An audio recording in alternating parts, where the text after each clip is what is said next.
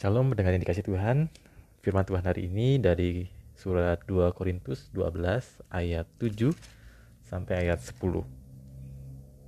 Dan supaya aku jangan meninggikan diri karena penyataan-penyataan yang luar biasa itu, maka aku diberi suatu duri di dalam dagingku, yaitu seorang utusan iblis untuk menggocoh aku supaya aku jangan meninggikan diri tentang hal itu aku sudah tiga kali berseru kepada Tuhan supaya utusan iblis itu mundur daripadaku.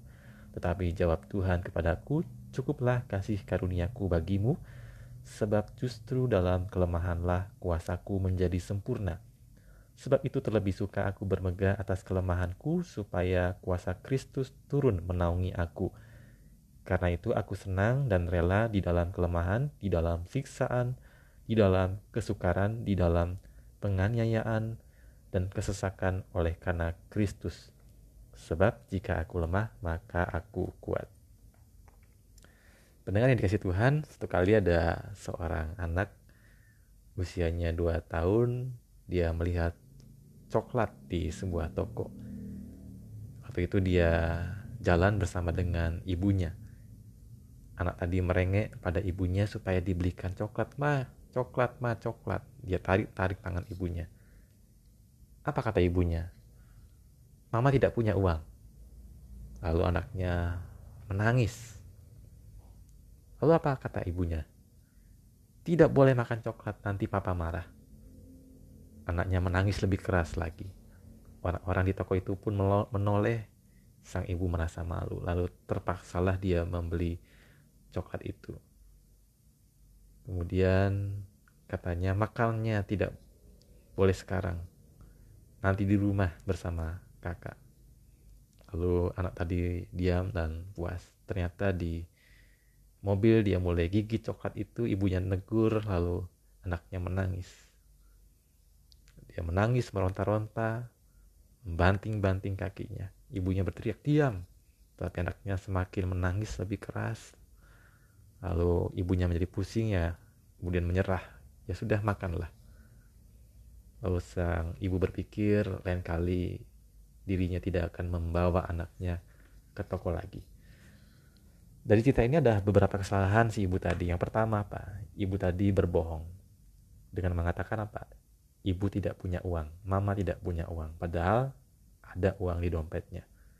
Itu kesalahan pertama. Kesalahan kedua adalah sang ibu memberikan motivasi yang keliru.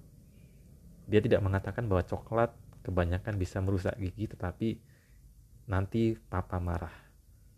Maka dia akan tumbuh anak tadi menjadi pribadi yang dengan konsepsi keliru bahwa perbuatan salah bukan perlu dijauhi bukan karena itu salah tetapi karena nanti ada pihak yang lain yang akan marah. Itu kesalahan kedua.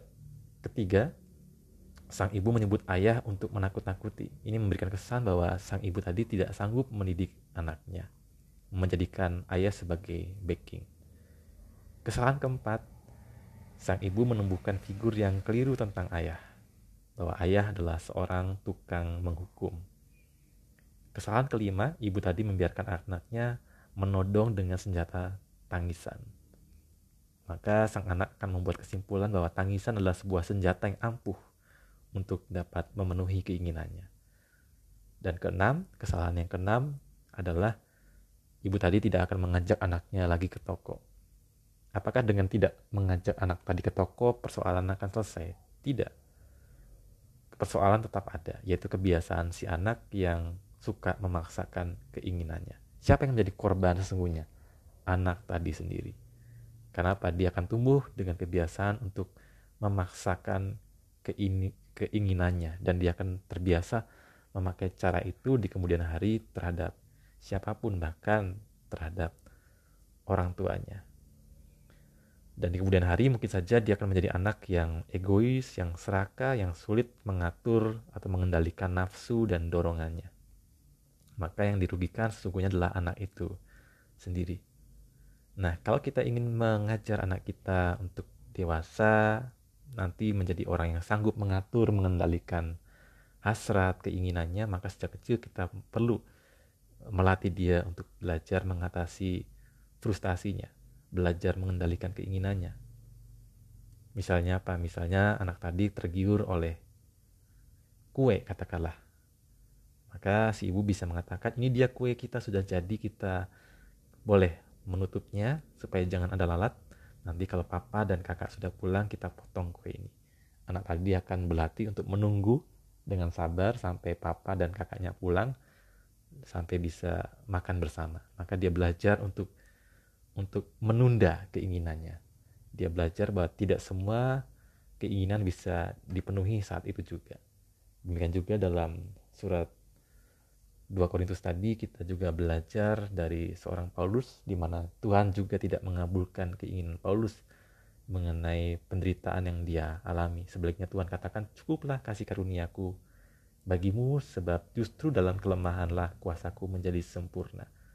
Maka di sini pun dalam doa kita tidak bisa memaksakan keinginan kita kepada Tuhan. Dan justru di sinilah kita belajar untuk bisa mengendalikan diri. Kita belajar untuk bisa mengatasi rasa frustasi. Kita belajar bahwa tidak semua keinginan kita bisa kita dapatkan. Dan kita juga belajar untuk merelakan apabila ada keinginan yang tidak terjadi. Di sanalah kita akan bertumbuh menjadi pribadi yang matang, yang dewasa, yang bisa mengendalikan hasrat kita, yang yang belajar menerima keadaan sebagaimana adanya. Amin. Kita berdoa. Kami bersyukur Bapa atas firman Tuhan yang mengajar kami untuk senantiasa boleh mawas diri bahwa tidak semua hal yang kami inginkan bisa terwujud seketika itu juga. Tetapi justru dalamnya kami belajar untuk mengendalikan keinginan, mengendalikan hasrat kami, dan belajar menerima keadaan dengan dengan dengan penuh rasa syukur pada Tuhan.